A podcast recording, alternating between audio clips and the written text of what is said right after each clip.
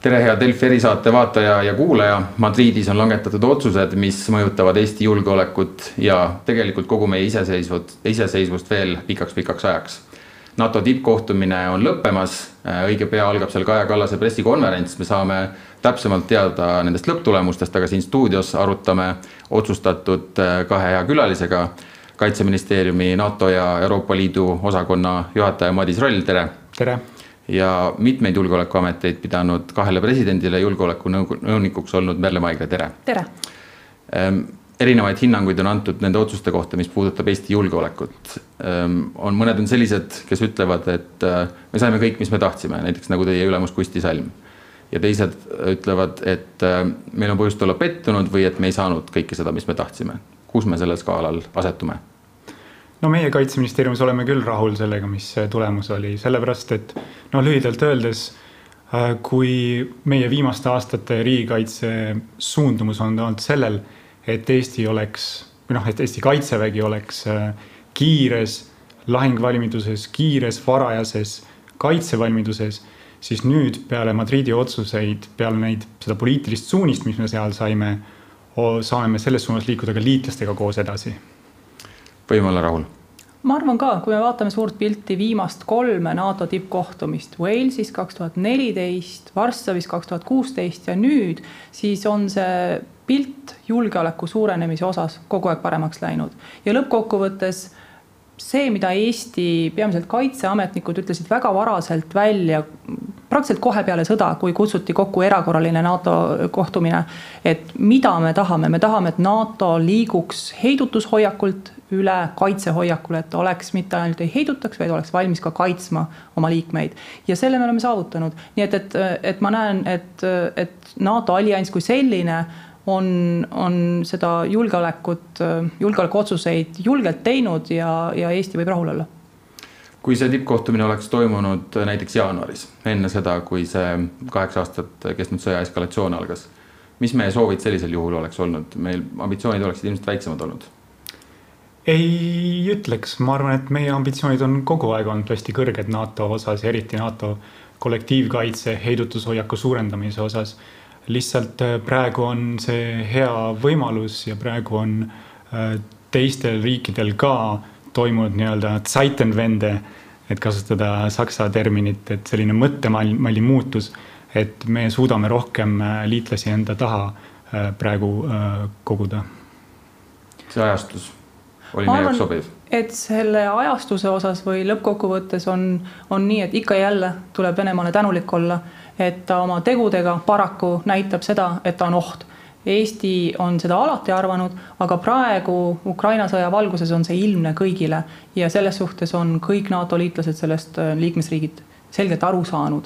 et, et tõepoolest Eestis see ambitsioon saada siia Eestisse kohale NATO sõdureid on meil olnud alates sellest ajast saadik, kui, kui Eesti on NATO liikmeks saanud. Esimeseks selliseks meiepoolseks sammuks või saavutuseks selles suunas oli NATO küberkaitsekeskus. parem, parim, mida me tol hetkel kahe tuhande neljandal, kaheksandal aastal saada võisime. seepeale on olukord siin regioonis kogu aeg tõsisemaks läinud ja, ja meie häält on seega kuulda võetud, nii et selles suhtes see ajastus on paraku kahju, kahetsusväärsel kombel ähm, aidanud meie häält ja, ja Balti riikide ähm, muresid ka, ka laiemalt kuulda võtta me räägime sellest teemast äh, veel üksjagu pikemalt meie teise külalise, välisministeeriumi kantsleri Jonatan Vsejoviga, äh, aga me vaatame praegult ära ühe vaheklipi seoses äh, Soome ja Rootsi võimaliku NATO-ga liitumisega ja selle seosega Türgiga mais teatasid Soome ja Rootsi ametlikult soovist NATO-ga liituda. Today a historic day. Finland will maximize its uh, security. sellega peavad nõustuma kõik NATO riigid. Türgi on aga nõusolekuks seadnud erinevaid tingimusi, mille hulka kuuluvad embargole, lõpp kurdide toetamisele ja dissidentide väljaandmine. Yorulmasınlar.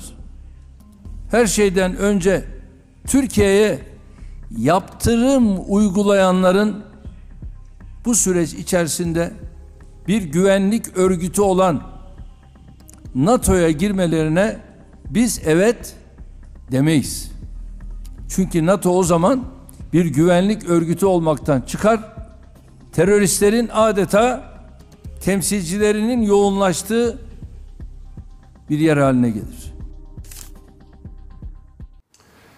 no võib-olla jääb mulje, et see klipp on, on tehtud natukene varem, kui, kui see konflikt Soome, Rootsi ja Türgi vahel, sellepärast et seda ta ongi, aga tegelikult see teema ei ole ju lõplikult lahenenud, enne kui need NATO liitumise lepingud on ratifitseeritud.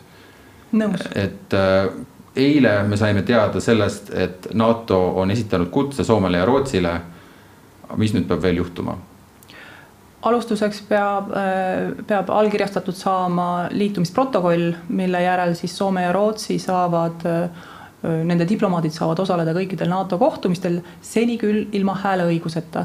ja lõplik pidulik selline sajaprotsendiline Soome ja Rootsi NATO liikmeks saamine on siis, kui kõik NATO kolmkümmend liiget ratifitseerivad need liitumisprotokollid nii et, et kõik kolmkümmend riiki oma parlamendis vastavalt oma protseduuridele peavad selle liitumise heaks kiitma.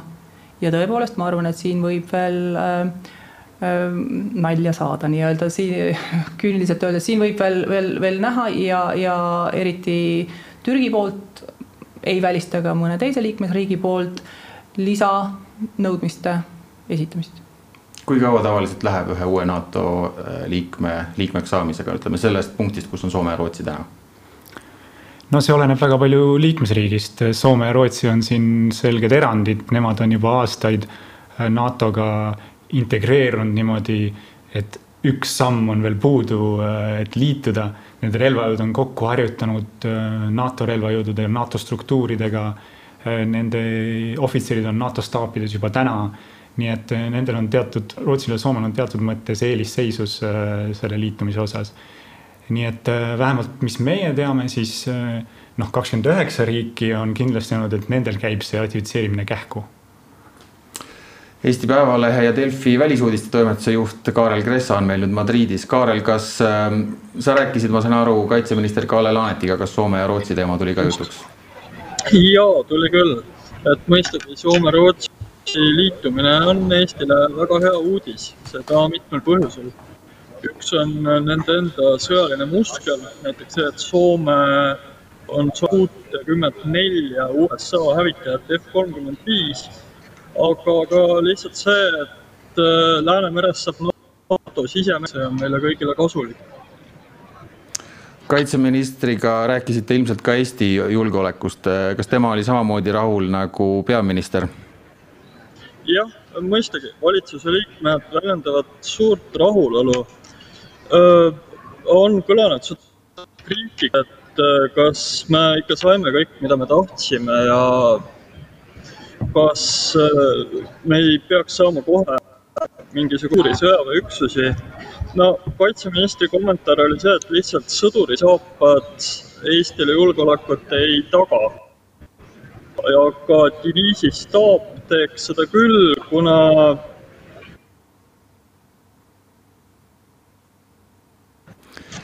no nii, ühendus Kaarliga on meil natukene katkendlik, tema intervjuud kaitseminister Kalle Laanetiga saate Delfi portaalist vaadata. see Soome ja Rootsi otsus, millest me enne siin just rääkisime ja Eesti julgeolek, kui palju need ikkagi seotud on, kas Suwalki koridori probleemi kuidagi lahendab? ma arvan, et ta leevendab kindlasti, võttes kasvõi selle, et Soome sõjaaja sõja, sõjaväe suurus on kolmkümmend tuhat meest, siis see, see suurendab igal juhul eh, meie Balti, Balti ruumi julgeolekut. esiteks siis selle mahu eh, näol, mida Soome ja Rootsi kaitsevägede liitumine NATO-ga annab nii maaväe, aga ka väga oluline õhuväe ja mereväe eh, alal, sest NATO muutub, või vabandust, Läänemeri muutub see, seega ju NATO sisemereks ja, ja kogu see võimalik vägede juurdetoomine siia meie Balti ruumi seoses Soome ja Rootsi NATO-ga liitumisega muutub lihtsamaks, sellepärast et kasutada on ka Soome põhjakallas. siis Soome kallas. nii et, et igal juhul, mis puutub meisse, mis puutub nüüd võimalikesse edasistesse tagasilöökidesse Türgi suunal, siis on Türgi president seda juba välja öelnud ka, et, et võtmekohaks on siin äh, kurdide tööpartei, nende Süüria liitlaste, liitlaspartei ja, ja külenistide siis nimetamine terroristideks, millega ma saan aru, Soome ja Rootsi mööndustega nõustusid ja võimalik äh, kauplemisfaktor või, või aspekt, ma usun, on nüüd see, mida, mida Erdogan on ka välja öelnud, et, et Türgi nõuab kuni kolmekümne kolme kurdi väljaandmist. Ähm, tõenäoliselt Soome ja Rootsi siis vaatavad, mis nad sellega pihta hakkavad. Soome ja Rootsi meedias on kasutatud väljendit kurdide mahamüümine, kas on midagi sellisega tegemist? Soome ja Rootsi kurdid ise on seda nõnda öelnud, eks, eks näis. ma usun, et seal on jutt on kurdidest ja, ja üsna palju, üsna murelikud võivad olla ka kõik need äh, endised diplomaadid ja sõjaväelased, ma ei tea, kui palju neid täpselt on Soomes ja Rootsis, aga, aga ma tean, et neid on olnud erinevates nii NATO-s, nii, äh, nii erinevates NATO liikmesriikides, kes kuulusid või keda Türgi valitsus peab olevat seotuks külenistide organisatsiooniga ja keda, keda Türgi ka peab endale vaenulikuks selline meelsus, meelsus muutus üleöö pärast seda, kui, kas see oli kaks tuhat viisteist vist, kui, kui oli Türgis nii-öelda külanistide ülestõusu mahasurumine ja peale seda väga paljud sõjaväelased ja diplomaadid muutusid persona non grata'ks Ankaras meie kaitseplaanid, kas kaitseministeeriumis nüüd tehakse tööd selle kallal, kuidas neid uuendada seoses sellega, et meil on kaks uut NATO liitlast peagi? ja see on järgmise kuue kuu aasta, ma arvan, peamine teema, et kuidas nüüd äh, Madridi järgselt NATO kaitseplaanid eh, teeks ka sellise shift'i, selle muudatuse, et me oleksime rohkem valmis eh, eesmist kaitset ehk et kaits-, alustama kaitset eh, Eesti riigi piires, riigipiiride juurest Vene rünnaku korral ja esimesel päeval, esimesel minutil. mis saab nüüd edasi, mida Eesti diplomaadid teevad nende Madridi tulemustega? Mitte ainult diplomaadid, vaid ka kõik kaitseministeeriumi ametnikud, kaitseväelased. noh, meil on äh, põhimõtteliselt kolm äh, järgmist suurt sammu, kõigepealt me peame äh, konkretiseerima, mis need üksused täpselt siin saavad olema, kus nad hakkavad paiknema, millised võimed, millised relvaliigid, mis on see kõige optimaalne paigutus, kooslus, mis on see ajaraam, mis nad siin paiknevad, mis on see rotatsioonikava, mida USA relvajõud lubasid välja näiteks teiseks me peame kindlasti vaatama siis, kuidas need täiendavad üksused, see täiendav Suurbritannia brigaad panna, integreerida meie riigi kaitsetegevuskavadesse, kaitseväe kaitseplaanidesse. ning loomulikult kolmas, millest me juba natuke tagasi rääkisime, NATO kaitseplaanid, kuidas need saaksid olla ajakohased tänapäevases maailmas Putin ütles äh, Soome ja Rootsi liitumise peale, et neil on luba liituda, kellega nad tahavad. see on selline teatav toonimuutus, ta muidugi ka ähvardas, et kui sinna hakatakse mingisuguseid baase, rajatisi rajama, siis võib tulla probleem, et kas kumbagi neist väitest tasub uskuda? no ma arvan, et see on selline näide järjekordselt sellest, kuidas Venemaa aktsepteerib jõulist jõudu ja, ja, ja kui vastaspool lääneliitlased liiguvad edasi omas tempos, siis lõppkokkuvõttes Venemaa seda aktsepteerib, aga kui teine pool on nõrk, siis, siis ta lihtsalt liigub edasi, liigub peale nii-öelda. nii et, et ma arvan, et väga oluline on siin, et Soome ja Rootsi ja ka NATO siis jätkavad oma plaanide kohaselt, mitte ei võta kuulda ei, või ei võta hirmuda Venemaa väljaütlemistest. ja loomulikult on praegu see periood, mis jääb siis Soome ja Rootsi ametlikust liitumisest kuni selle Äh, see, see ratifitseerimisperiood, mis jääb äh, kuni ametliku liitumiseni, pisut selline äh, ohtlik, sest, sest de jure on nad liitlased, aga de facto veel justkui ei ole. ja seega on, on väga oluline, et ja tõenäoliselt ongi Soomel ja Rootsil kahepoolsed julgeolekugarantiid, mis katavad selle, selle, selle perioodi ära. aga, aga kas tuleb ja kuidas siis tõepoolest Soome ja Rootsi väed ja nende kaitsmine lõimitakse NATO kaitseplaanidesse, see on NATO otsus. nüüd siis jätkuvalt tavaliselt nagu teda peale tippkohtumist on, tulevad järjest kaitseministrite kohtumised, välisministrite kohtumised, vahepeal on iganädalased saadikute kohtumised ja erinevad erinevad äh, ametnikud arutavad äh, seda praktilises plaanis, siis kiidetakse see kõrgemalt poolt heaks. ja see on töö, mis NATO-s käibki peale igat sellist tippkohtumist ja seda tööd ei mõjuta, ei tohi mõjutada Moskva, ei Putini väljaütlemised ega kuidagi Venemaa selles suhtes seda, seda kuidagi nõrgendada see toobki meid äh, Ukraina juurde, mis on tegelikult äh, noh, kogu selle teema alguspunkt. Ukrainal ei ole seda nii-öelda üleminekuperioodi või õigemini neil on selline igavesti kestev üleminekuperiood, neile öeldi nüüd Madridis jälle, et äh, avatud uste poliitik, neliteist aastat on teile uks juba olnud avatud ja on olnud edaspidi ka. natukene kõlab õõnsalt, kas ei ole nii? Ma nüüd ise Madridis ei olnud ja võib-olla on, on, äh, on kõik need ajakirjanikud, kes seal kohapeal olid või täna neid otsuseid tehti, et kas Ukraina ise on soovinud, äh, avaldanud tugevat soovi NATO liikmeks äh, saada, on minu jaoks küsimärk, et ma, mul ei ole kõrva jäänud, et ta oleks seda teinud. kõik see algab ju riigi enda soovist, nii nagu Soome ja Rootsi puhul see oli ise ikkagi alguses nende enda soov. Et, äh, et minu jaoks on oluline või, või meie jaoks oluline, et äh, muuhulgas ütleme, Stoltenberg ise, NATO peasekretär rõhutas seda äh, ühena oma viiest siis Madriidi nii-öelda saavutusest on, pidas ta vajalikuks toonitada, et see oli või on Ukraina abi Ukraina abistamiseks võeti vastu otsus, abi, abipakett, mis seisneb nii sõjalises abis kui mittesõjalises abis ja ennekõike Ukraina poolt vaadates praegu on, on ikkagi väga oluline neil saada relvi, saada relvastust ja saada laskemoona lääneliitlaste poolt ja NATO seda, see, et NATO seda koordineerib, on igati mõistlik ja optimaalne. selle juurde me kohe jõuame, aga Madis, kas ähm, see, et Ukraina tõepoolest ühemõtteliselt praegult ei, ei avalda soovi saada NATO liikmeks, kas see ei ole osa ikkagi sellest Putini survestamistaktikast, mis näitab, et see toimib ja riik, kes tegelikult oli valmis NATO-sse minema, nüüd ei saa seda teha? ei, Ukraina kindlasti soovib endiselt NATO liikmeks saada ja Eesti kindlasti toetab seda soovi. noh, praegu lihtsalt on see olukord, kus meil on vaja, meil Ukrainal ja NATO-l Ukraina suhtes on palju kriitilisemad küsimused, et kuidas võita see sõda, kuidas lüüa Venemaa tagasi ja me teeme kõik siin selle nimel praegu igapäevaselt tööd. et need on need kriitilised esmased äh, teemad, millega on vaja tegeleda.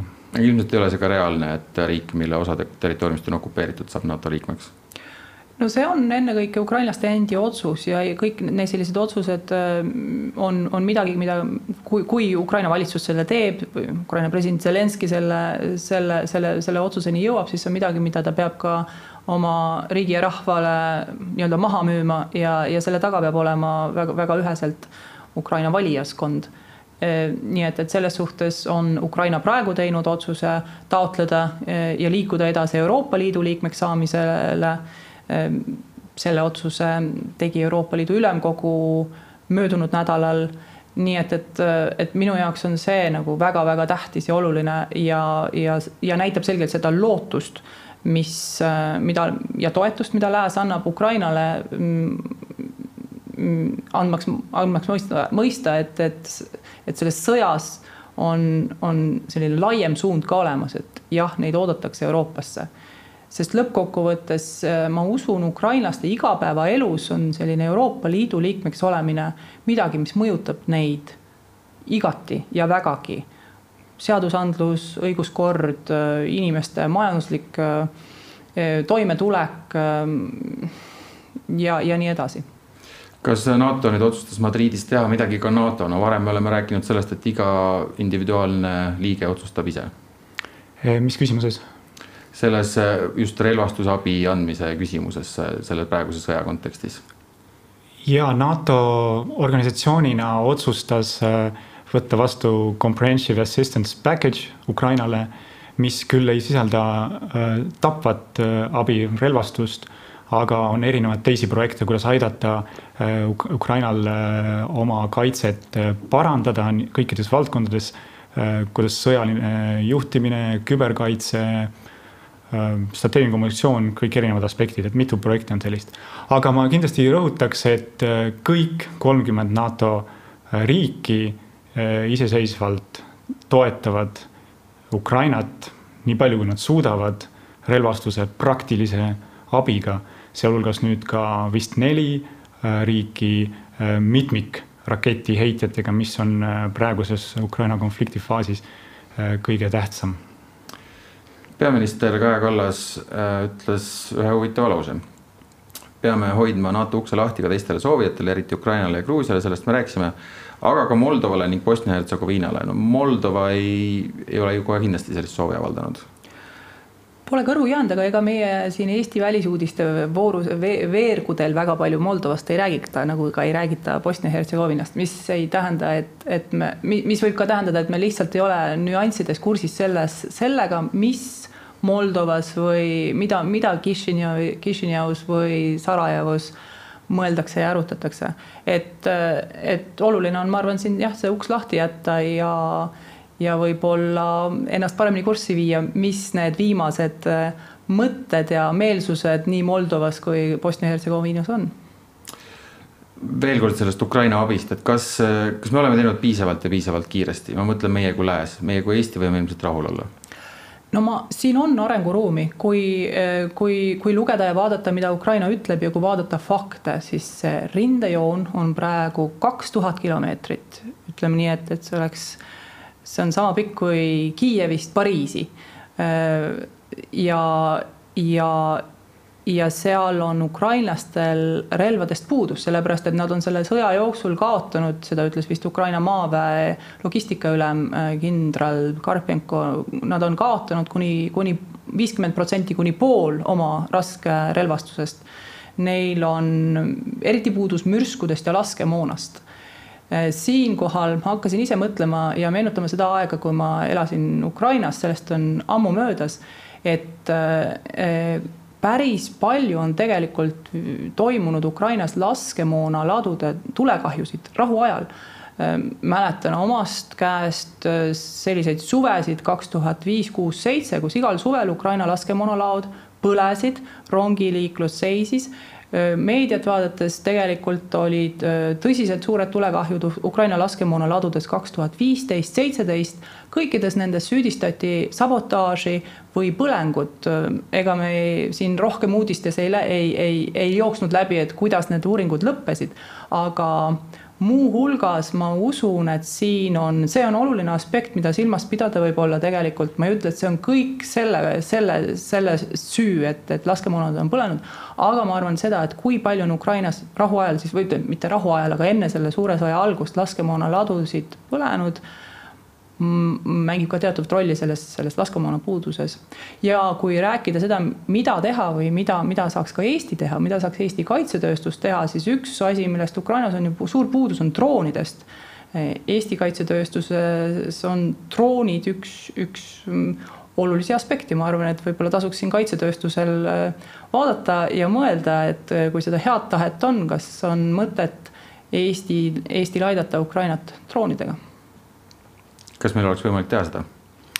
no see on kindlasti üks variant ja me üritame mõelda igapäevaselt uusi võimalusi, kuidas Eesti just saaks, Eesti kaitseministeerium, Eesti välisministeerium, kogu riik saaks aidata Ukrainat täiendavalt. Madridis otsustati tegelikult üksjagu rohkem asju kui äh, abi idatiivale Ukrainale äh, või siis Soome ja Rootsi liitumine meile siin Eestis äh, meeldib üksjagu, kui, kui meile tuleb jälle mingisugune uus rahvusvaheline keskus, me rääkisime enne NATO küberkaitsekoostöö keskusest. Diana äh, ehk siis Defense Innovation Accelerator for the North Atlantic, see on siis äh, kaitseinnovatsiooni kiirendi. millega tegemist on? no see on selline, kuidas öelda, asutus kus me saame just nimelt äh, startup idele, Eesti startup idele, kes keskenduvad äh, äh, riigikaitseliste innovaatiliste lahenduste väljatöötamisele, siis NATO tasemel mingisugust väljundit leida või nende, nende, nende tööd promoda rohkem. et see on kindlasti selline tulevikuprojekt, mis, mis, mis, mille üle meil on väga hea meel, et seda arutati Madridis ja, ja et see seal ka otsused vastu võeti ja küberteemadel me oleme need natukene ära unustanud, aga kus on siin need koostöökohad, mida saab teha NATO organisatsioonina? No oluline on siin vaadata, et äh, tegelikult Madridis võeti siis strateegilises kontseptsioonis vastu ka esimest korda on, on väga nähtavalt küberteema laual, kui me vaatame eelmist strateegilist kontseptsiooni, siis küberist seal nii palju juttu ei olnud. nüüd ütleme seda, teadjad loevad nii-öelda ridade vahelt või sest see on avalik dokument, aga äh, küberkaitses, küberründes on, on, on NATO öö, äh, arenenud ja võtab seda väga tõsiselt ja peabki võtma, sest kui me vaatame praegu, mis toimub tegelikult meie meil endal Eestis või meie lähedal Leedus näiteks, siis on küberründed osa sellest rünnakute paketist, mida, mida riikide vastu tehakse. Ukrainast loomulikult rääkimata, Ukraina sõda on ka ilme, ilmekalt näidanud, et küberründed on osa laiemast rünnakutest, mida Venemaa kasutab meile lubati selle sõja eskaleerumisel, et äh, läänemaailma tabab selline noh, küberapokalüpsis, midagi sellist tegelikult ei juhtunud, meie võimekus on ikkagi rahuldav vähemalt. apokalüpsist äh, ei ole juhtunud, aga, aga küberründeid on toimunud. Äh, selline grupp nagu Killnet teostas Eesti vastaseid küberründeid aprilli lõpus praegu on Killnet, äh, ründab, ründab Leedut ja ta on ja see on äh, krimi, kriminaalne kübergrupp, kes on ennast väga, on, on Venemaale lojaalne ja hinnatakse, et äh, nad teevad kindlasti Vene võimudega koostööd. E ma arvan, et küberründed on asi, millest räägitakse vähem, aga see ei tähenda, et need ei toimuks. Ja siis on väga-väga oluline just seda silmas pidada, et et nad tegelikult juhtuvad ja kuna nad on natuke tehnilisemad ja, ja keerulisem on neist aru saada, siis väga palju meedia neist ei kirjuta, aga tegelikult on, on nad, on nad kogu aeg öö, toimunud Ukrainas ja väga palju on siin rolli ka öö, erasektoril nagu Microsoft, aga ka erinevad küberturbeettevõtted, kes kaitsevad ja aitavad Ukraina valitsust ja, ja on selle sõja käigus näidanud, et väga oluline on selline valitsuste ja industry nii-öelda siis vahevaheline koostöö ja infovahetus. Eesti jaoks ma arvan ka, siin on üksjagu õppetunde, eh, mida, mida Eesti ise eh, peab tegema küberis. jah, jah, küber on tõesti see valdkond ka NATO-s, kus Eesti saab panustada, mitte ainult nii-öelda tarbida. meil on ju näiteks eh, Eestis kõige võimekam küberharjutusväli ja me oleme täielikult andnud selle NATO kasutusse, NATO õppuste kasutusse. aga suur tänu, Merle Maigre ja Madis Roll. pärast lühikest sissejuhatust Kaliningradi teemasse on stuudios juba välisministeeriumi kantsler Jonatan Vseviov. see on Kaliningrad, tükk Venemaad keset Läänemere regiooni oblastist sai tulipunkt juunis, kui Euroopa Liidu sanktsioonid hakkasid kehtima ka Kaliningradile Well, first of all, it's not Lithuania doing anything. It's uh, European sanctions that uh, started working from the 17th of June. And uh, uh, the industry that is imposing the sanctions at this point is the railroad. It is done with consultations with the Euro European Commissions and under the European Commission guidelines. So uh, I think that there was some uh, false information, uh, not the, for the first time, uh, announced by the Russian authorities. Venemaa aga ähvardab kättemaksuga just nimelt Leedut. ja sealjuures ei välistata midagi. Они будут не в дипломатической, а в практической плоскости. Какими и когда, ну, во-первых, это зависит, как мы уже и сегодня сказали, и говорили все эти дни, было заявлено и Евросоюзу, и э, Литве о необходимости изменения предпринятых шагов. Если этого не произойдет, тогда они будут введены.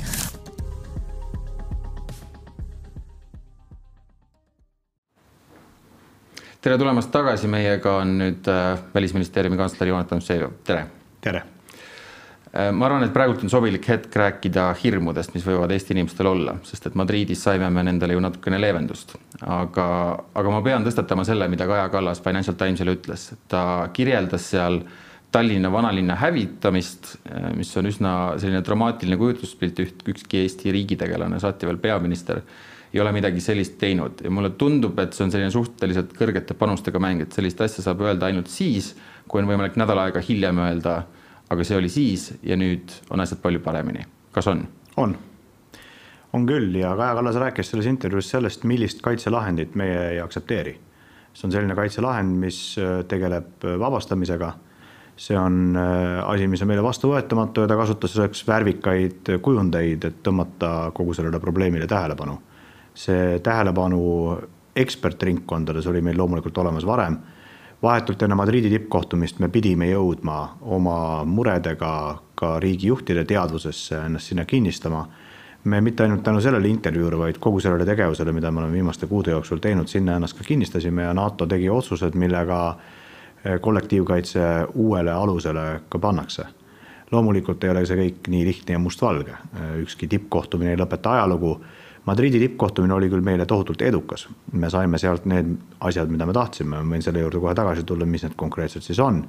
aga oluline mõte, mida ma tahan öelda ja alla kriipsutada, on see, et äh, ei lõppenud ajalugu siis, kui Varssavis otsustati äh, luua üldse mingisugunegi heidutushoiak äh, Balti riikides koos liitlaste vägede kohalolekuga. Ei lõppenud ta ka nüüd Madridis, kui NATO otsustas, et äh, peamine väljakutse ja julgeolekuoht kogu alliansi jaoks on Venemaa ja et selle jaoks tuleb äh, kollektiivkaitse äh, oluliselt uutele alustele panna, ette nihutada see suutlikkus vajadusel kaitsta, ei lõppe ajalugu, ei lõppe, see töö jätkub. Ja mis seal salata, tõenäoliselt tuleb selle jätkuva töö käigus anda erinevatele Eesti ametiisikutele intervjuusid ka endiselt, sest meie jaoks on ikka väljakutse balansseerida seal, kus ühest küljest äh, hääletut ei äh, märgata ja teisest küljest räuskajat ei kuulata. Kuidagi peame me endal tähelepanu hoidma. Vaatame seda ajaraami, siis me just äh, lugejatele näitasime klippi sellest olukorrast, mida mõned nimetavad Kaliningradi blokaadiks ja mis on pannud Leedu ähm, meedia kohati spekuleerima teemal, et kas, äh, kas mingit sorti sõjaline rünnak võib aset leida juba nüüd. selline asi Leedu puhul, ka Eesti puhul praegusel ajal ei ole reaalne vist esiteks ei ole tegemist mingisuguse blokaadiga, kaubad, inimesedki Kaliningradi ja muu Venemaa vahel liiguvad nii nagu nad said liikuda varem. mis juhtus, on see, et Euroopa Liit äh, seoses sellega, et Venemaa on tunginud oma naabrile kallale, on kehtestanud äh, rea sanktsioone. seegi ei tohiks ühelegi lehti lugevale inimesele üllatusena tulla. ja et need sanktsioonid jõustuvad mitte kõik sellest hetkest, kui nad otsustatakse, vaid äh, hilisematest kuupäevadest. no igaüks, kes vähegi viitsib asjaga kursis olla, teadis ka seda nüüd on probleem ilmnenud, mis puudutab teatud liiki kaupasid, mille puhul lihtsalt see sanktsioon jõustas ja jõustus Ehm, mingisugust vahetut sõjalist ohtu ei Eesti ega ühegi teise Balti riigi julgeolekule me täna ei näe. Ehm, loomulikult see ei tähenda, et see julgeolekupoliitiline olukord üldiselt oleks kuidagimoodi rahulik või, või uinutav, seda ta ei ole. Ehm, meie naaber on agressiivne, meie naaber on kohati sõnades ka vastut-, absoluutselt vastutustundetu ja tuleb tunnistada, et nendest sõnadest vastutustundetus on liikunud ka tegevusse aga praegu peaasjalikult Ukraina territooriumil. Ehm, teisiti kui vastutustundetuna tsiviilobjektide pommitamist ma kuidagi tõlgendada ei oska. vahetut sõjalist ohtu Balti riikidele täna me ei näe. kui kaua läheb Venemaal aega, et taastada see võimekus, mis tal oli enne kahekümne neljandat veebruari? see sõltub sellest, millega ja millal see sõda seal lõpeb. see sõda ei ole läbi see sõda kestab ehm, nii kaua, kuni see sõda lõpetatakse. iseenesest sõjad ei alga ega lõppe. ei alanud iseenesest, ta ei lõppe iseenesest meie eesmärk on kindlustada, et see sõda lõpeks agressiooni ja agressori täieliku läbikukkumisega. ja siis loomulikult võtab väga palju aega. seetõttu me oleme nimetanud seda sõda Ukrainas Euroopa julgeoleku jaoks äh, kaalukeele hetkeks. Äh, me päriselt arvame seda, et ta nii on, mitte ainult Ukraina saatust, vaid ka meie Euroopa saatust, paljuski see sõda määrab. täpsemalt selle sõja lõpptulemus määrab.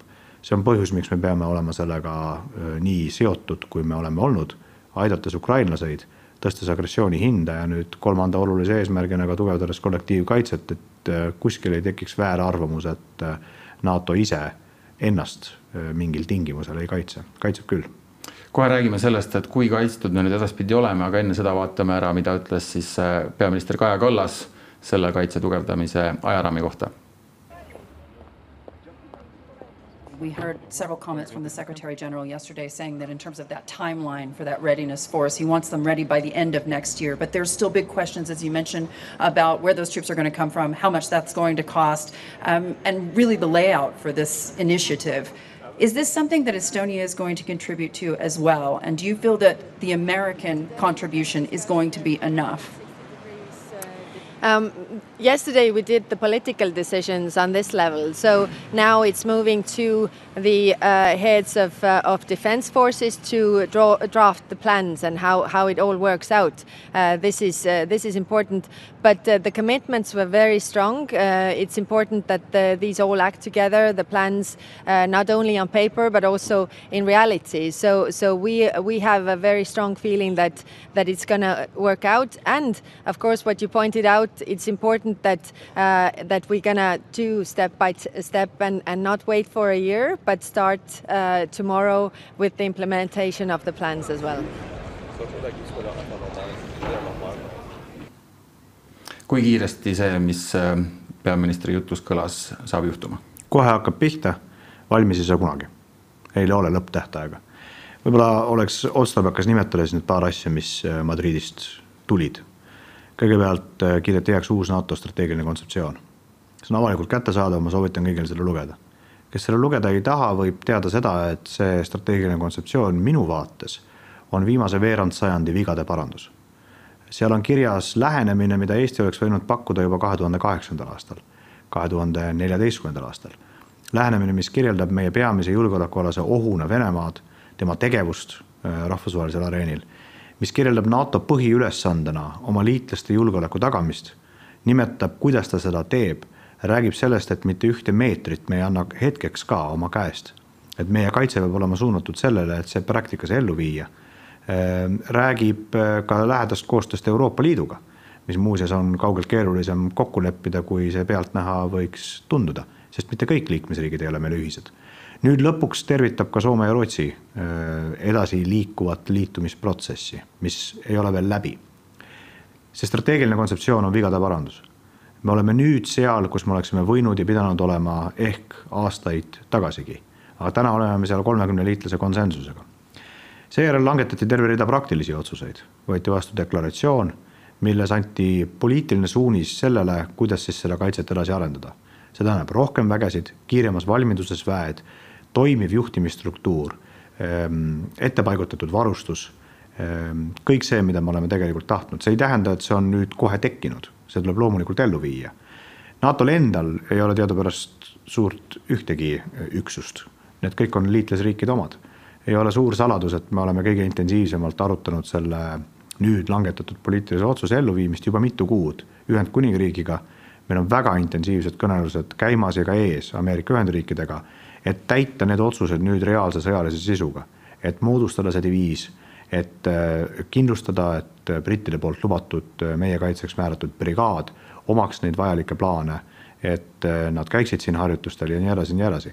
nii et see töö hakkab kohe pihta, tegelikult on see töö juba käinud paralleelselt otsuste endi ettevalmistamisega, aga lõpeb ta siis, kui lõpeb maailma ajalugu, see tähendab, ta ei lõppegi, eks saab seda kõike kunagi tulevikus veel täiustada ja täiendada. Soome-Rootsi kohta ma ütleksin samamoodi. Eh, need ehm, otsused, mida Madridis tehti, olid eh, loomulikult strateegilise mõjuga. see mõjutab mitte ainult Põhja-Euroopa, mitte ainult Soome ja Rootsi, vaid kogu NATO julgeolekut, kogu Euroopa julgeolekut, et me nüüd neid liitumiskõnelusi alustame. aga seegi ei ole lõpp. see liitumise otsus tuleb ratifitseerida kolmekümnes parlamendis, see saab olema omaette keeruline protsess kus lõviosa tööd tuleb ära teha soomlastel ja rootslastel endal ja kui nad kord NATO-ga liituvad, mida ma usun, et nad teevad, siis samuti ei tähenda see, et nad üleöö kohe kõikidesse NATO sõjalistesse ja strateegilistesse heidutusmeetmetesse integreeritud on. jah, nende sõjaväed on meie sõjavägedega niinimetatud interoperabiilsed või ütleme, koostegutsemisvõimelised, aga see ei tähenda, et nad oleksid seotud kõikide plaanide, kogu selle strateegilise kultuuriga, mis meid liitlastena kokku liidab meie huvides on, et see kõik toimuks võimalikult kiiresti. meie huvides on, et see juhtimisstruktuuri loomine toimuks võimalikult kiiresti.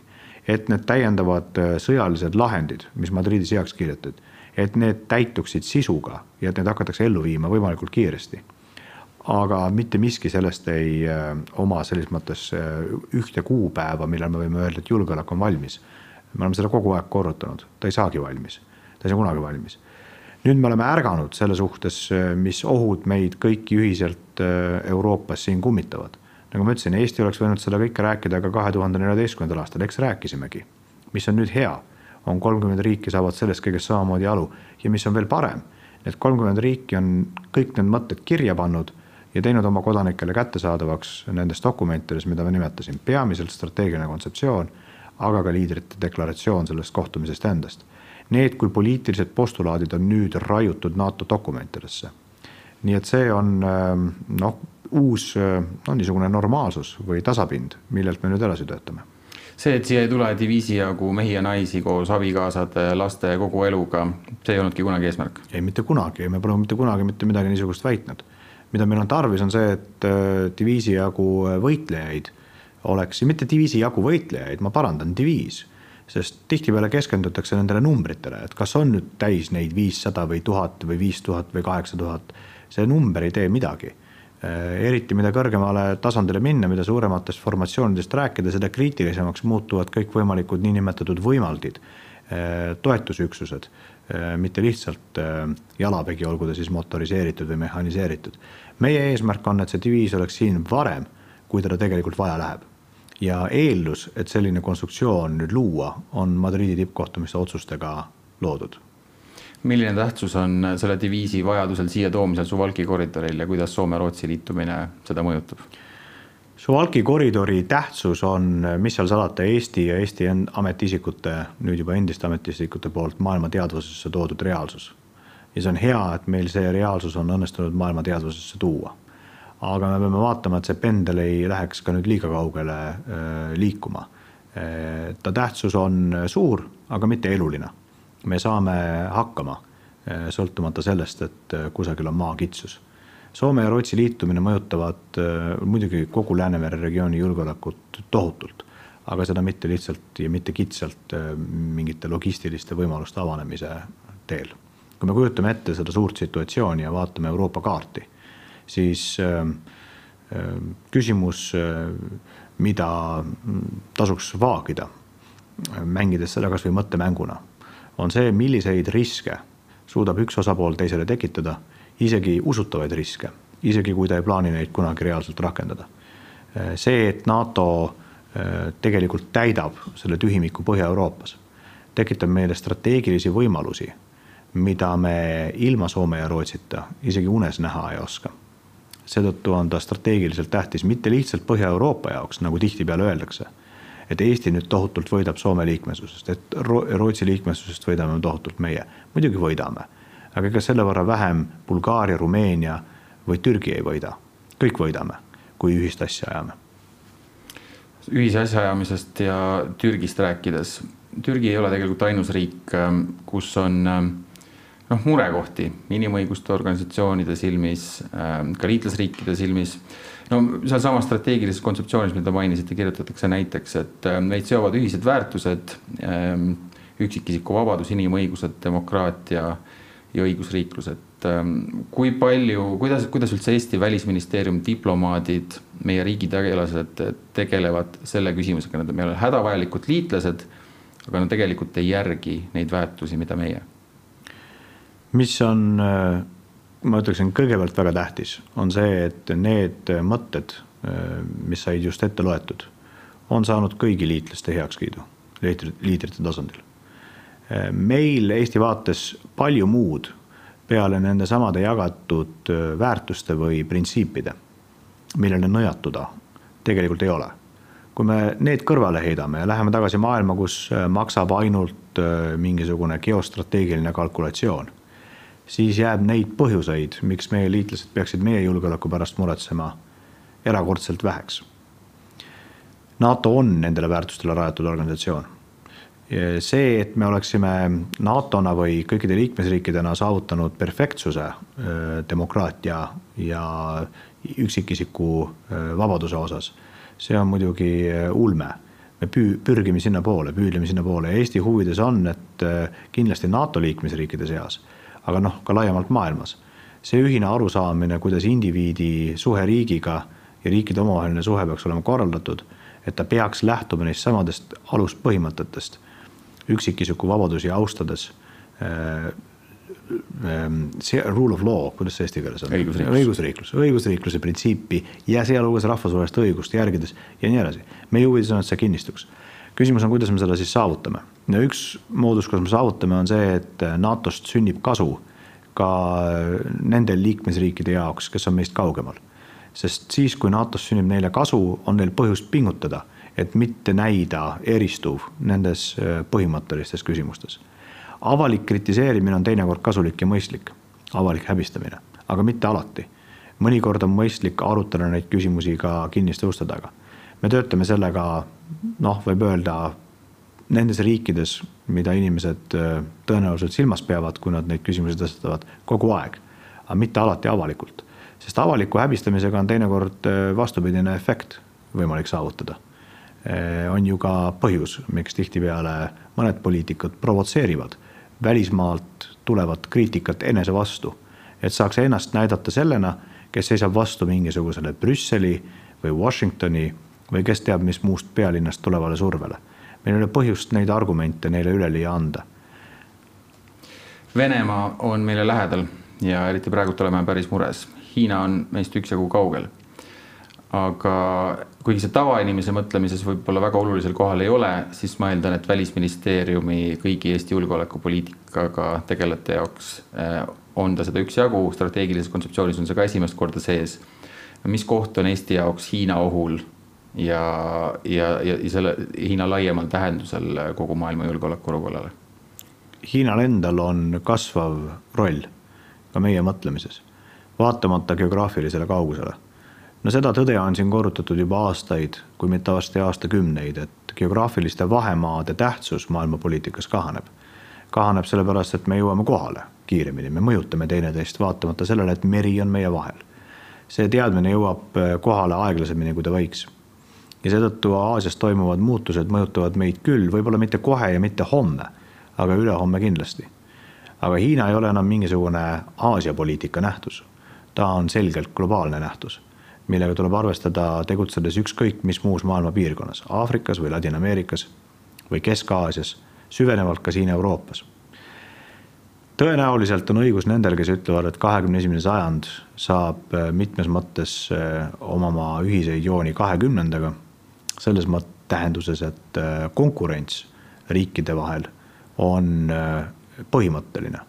et need mudelid, mida riigid maailmale välja pakuvad sellest, kuidas korraldada poliitikat, kuidas korraldada majandust, kuidas korraldada rahvusvahelisi suhteid, sedasama indiviidi ja riigi vahelist suhet. Need mudelid on teineteist vaata et välistavad, aga kindlasti täiesti erinevad. on meie lääne mudel, mis kõikide oma heade ja veadega on siiski meie igapäevase elu alus. Ja see süvenevalt äh, on äh, surve all, mitte ainult teiste riikide, teiste mudelite poolt, vaid lihtsalt muutuva maailma poolt. tehnoloogia ja selle tohutult kiirenev äh, mõju meie elukorraldusele, see tekitab igasuguseid legitiimseid küsimusi privaatsusest, demokraatia mudeli toimivusest üldiselt ja nii edasi. aga me peame silmas pidama, et sellele meie mudelile kõrvuti nende objektiivsete väljakutsetega esitatakse ka väljakutse riikide poolt, kes soovivadki maailma ümber häälestada teistsuguseks. seesama meie kõrval olev Venemaa, rünnates Ukrainat, ei ründa ainult Ukrainat, ta ründab mitte ainult Euroopa, tegelikult rahvusvahelise julgeoleku aluspõhimõtteid mis meil sellest, aga meie eksistents sõltub sellest. küsimus on, milline norm lõpuks siit sõjast välja tuleb ja kujuneb. selles suures ähm, kahekümne esimese sajandi loos äh, ei ole maailma keskmes tõenäoliselt enam sündmused, mis toimuvad Euroopas. Nende sündmuste lähtekoht saab tõenäoliselt olema kusagil mujal, seal, kus elab valdav enamus selle planeedi rahvast, seal, kus toodetakse valdav enamus selle planeedi lisaväärtusest majanduslikus mõttes aga see ei tähenda seda, et ta meie jaoks jääb kaugeks. ta saab määrama seda, milliste reeglite kohaselt maailma poliitika, ka tehnoloogia areng, üleüldsegi kaubandus, üleüldsegi äh, toimima hakkab. nii et äh, kasvav roll on Hiinal, äh, seda tegelikult NATO liidrid Madridis tõdesid on selge, et NATO vahetu sõjaline tegevus puudutab Euro-Atlandi julgeolekuruumi, aga NATO on ühtlasi ühe miljardi inimese valitsuste peamine julgeolekupoliitika koordineerimise formaat.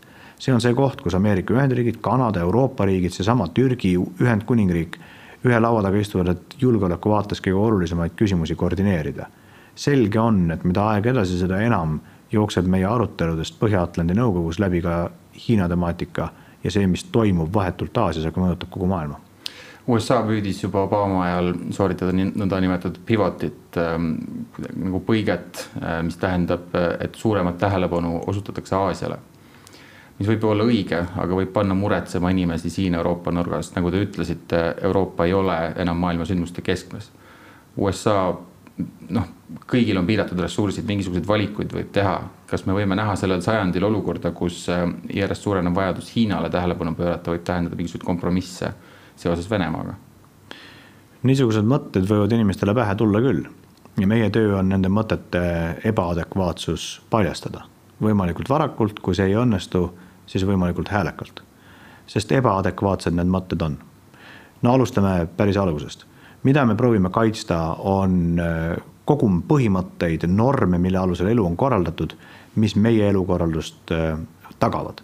nii riigisisesed normid ja põhimõtted, aga antud juhul, kui me räägime välispoliitikast, siis rahvusvahelise elu normid ja põhimõtted. kui lasta need normid ja põhimõtted allavett ühes maailma otsas, siis pole mingit lootust moodustada koalitsiooni kõikide neist samadest põhimõtetest hoolivate riikidega, et neid norme kaitsta mõnes teises maailma otsas see lihtsalt ei ole võimalik. Need äh, vanad kuulsad ütelused, millega peeti silmas küll midagi nähtavasti palju luulelisemat kui see, millest ma praegu räägin. et taanduv vabadus ühes piirkonnas tähendab vabaduse taandumist kõikjal. Need kehtivad kahekümne esimesel sajandil globaliseeruvas maailmas aina enam. eriti kui peaks tõele vastama see, et see saab olema suur suurriikide põhimõttelise vastasseisu erinevate konkureerivate mudelite omavahelise vastasseisu sajand kus sarnaselt muidugi üheksateistkümnendale sajandile on neid mängijaid laua ümber rohkem kui kaks mitte nagu külma sõja ajal, Nõukogude Liit ja Lääs, ei, neid saab olema rohkem kui kaks. ja need mudelite variatsiooni erinevusi võib ka olla erinevaid, eh, rohkem kui kaks. andes järele ühes otsas, ei ole võimalik hoida samasugust allianssi teises otsas. teine loomulikult tõde, mida me oleme kogu aeg korranud, ma vist ütlesin ka seekord täna siin, et Euroopa kaitset ilma Ameerika Ühendriikideta korraldada ei ole võimalik. no ütlen siis välja süvenevalt kahekümne esimesel sajandil ka Ameerika Ühendriikide huvide kaitsmist mis tahes maailma piirkonnas ilma Euroopata ette kujutada võimalik ei ole. meid siin on ka pool miljardit, oleme ka võimekad. ma arvan, et selle sõja käigus üks esimesi eh, vast kõikjal Euroopas kohale jõudnud tõdemusi, õppetunde, mida me varem ei mõistnud, on tõdemus sellest, et meil Euroopana on ka jõudu. meil on muskel. me oleme vaikselt, vaikselt hakanud harjuma selle mõttega, et ta meil olemas on me oleme muutunud selle suhtes natukene aktsepteerivamaks. teatud äh, Euroopa ringkondades oli ju kogu aeg jõu, ka meie enda jõu suhtes umbusk ja hirm. me oleme harjunud sellega, me harjume aina enam. ja üks kell harjume me seda jõudu ka normaalselt kasutama. jah, Euroopa Liidu muskel ei ole sõjaline muskel. aga majanduslikku musklit on meil ja regulatiivset musklit tõenäoliselt rohkem kui kellelgi teisel siin planeedil ja kui vaatame seda, milline see konkurents kahekümne esimesel sajandil olema saab, siis loodetavasti õnnestub hoida ta võimalikult vähe sõjalisse sfääri sekkuvana. jah, konkurents toimub ka sõjalises sfääris, ma pean silmas otsest sõjategevust. aga kus ta siis toimub? ta toimub regulatiivses maailmas, ta toimub majanduses, ta toimub sellepärast, kes paneb paika need reeglid, mille alusel ähm, majandus rahvusvaheliselt üleüldsegi toimib. kõiges selles on Euroopa sellele demokraatlikule maailmale niisama hädavajalik, kui sellele demokraatlikule maailmale on Ameerika Ühendriigid. seda sõnumit peame meie Euroopana selgitama ja kohale viima, sest ta iseenesestmõistetav ei ole. ja selle sõnumi käigus tuleb alla lasta kõik need mõtted eh, tagasi üheksateistkümnendasse sajandisse minna, et me lepime siin eh, kokku Austria-Ungariga, et seal kusagil Preisimaaga midagi teha. ei lähe läbi, ei tule välja ja kindlasti ei tule välja demokraatlikus maailmas, kus kõik, kõik igasugused, ükskõik kui hästi salajases hoitud salakokkulepped on järgmisel päeval ajalehes ja kommenteeritud mitte ainult välispoliitika korüfeede poolt, vaid avalikkuse poolt. ja seda olukorras, kus meie poliitilised liidrid vajavad avalikkuse mandaati. Need äh, kavalpead, kes kujutavad ette, et äh, nad saavad teha midagi, mida Chamberlain proovis äh, möödunud sajandil ja tulla sellest olukorrast välja kuidagi teisiti kui Chamberlain, eksivad jõudu kõigis nendes ettevõtmistes ja meie sõnumi kohale viimises. Jonatan Vseviov, suur tänu. suur tänu. head Delfi lugejad, vaadake meie portaalist jätkuvat Madriidi kajastust, Ukraina sõjakajastust ja kõike, mis puudutab meie julgeolekut. Delfi erisaade sellega lõpetab, mina olin saatejuht Herman Kelomees, kõike head